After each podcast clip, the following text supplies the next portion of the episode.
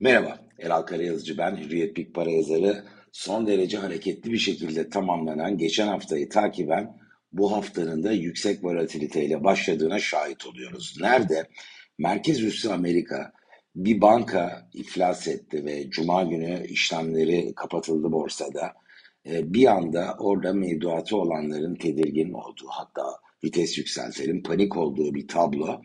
Daha önemlisi bu problemin yayılması riskiyle piyasalarda da bir gerilimin oluştuğu tabloyla karşılaştık.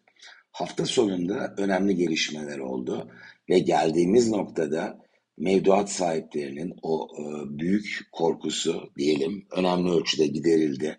E, kamu devreye girdi Amerika'da ve adeta bir yangına dönüşmeden oradaki alev kontrol altına alındı.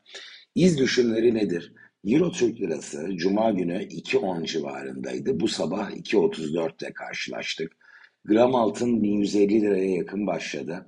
Yine Cuma günü yurt içi tarafta 1110 e, lira civarında bir fiyatla işlemler geçiyordu.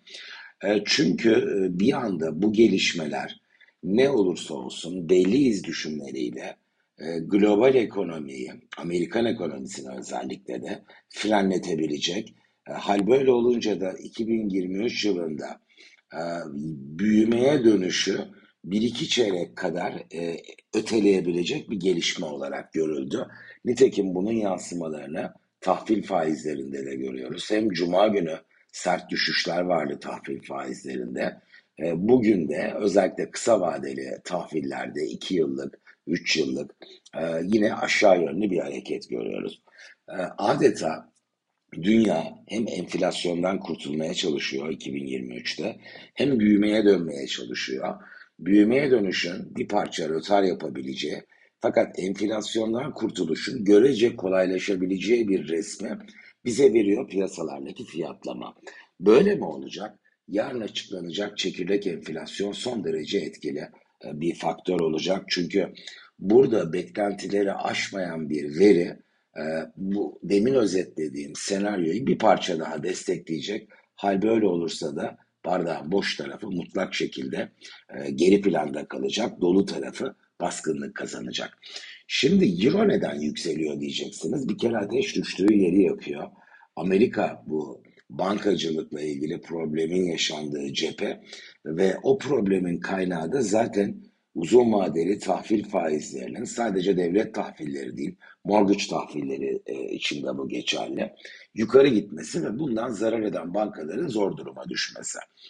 E, şimdi Avrupa'da tablo bundan daha e, görece farklı olduğu için ve enflasyon daha katı olduğu için en azından şu aşamada Avrupa Merkez Bankası'nın FED'e kıyasla daha fazla faiz arttırımı yapma alanı olduğu Fed'in belki de faiz arttırımlarını 25-50 e, bas puan daha yükseltebilir ama ondan sonra devam edemez noktasına geldiğinin düşünülmesi.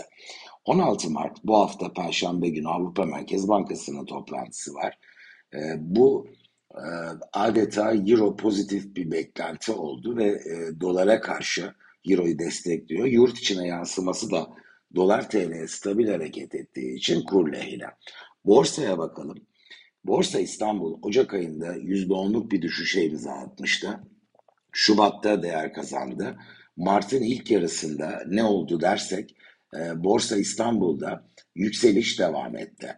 Fakat Şubat ayında e, Ocak kayıplarını sanayi endeksi güçlü bir şekilde geri alırken Mart ayında roller değişti. Sanayi endeksi yatay seyrederken bankacılık endeksi kuvvetli bir yükselişe imza attı.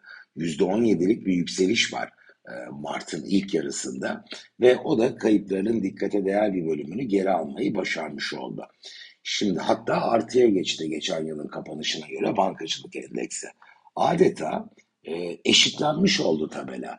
E, Şubat'ta güçlü sıçramayı sanayi endeksi kaydederken Mart'ta da bankacılık endeksi öne çıktı.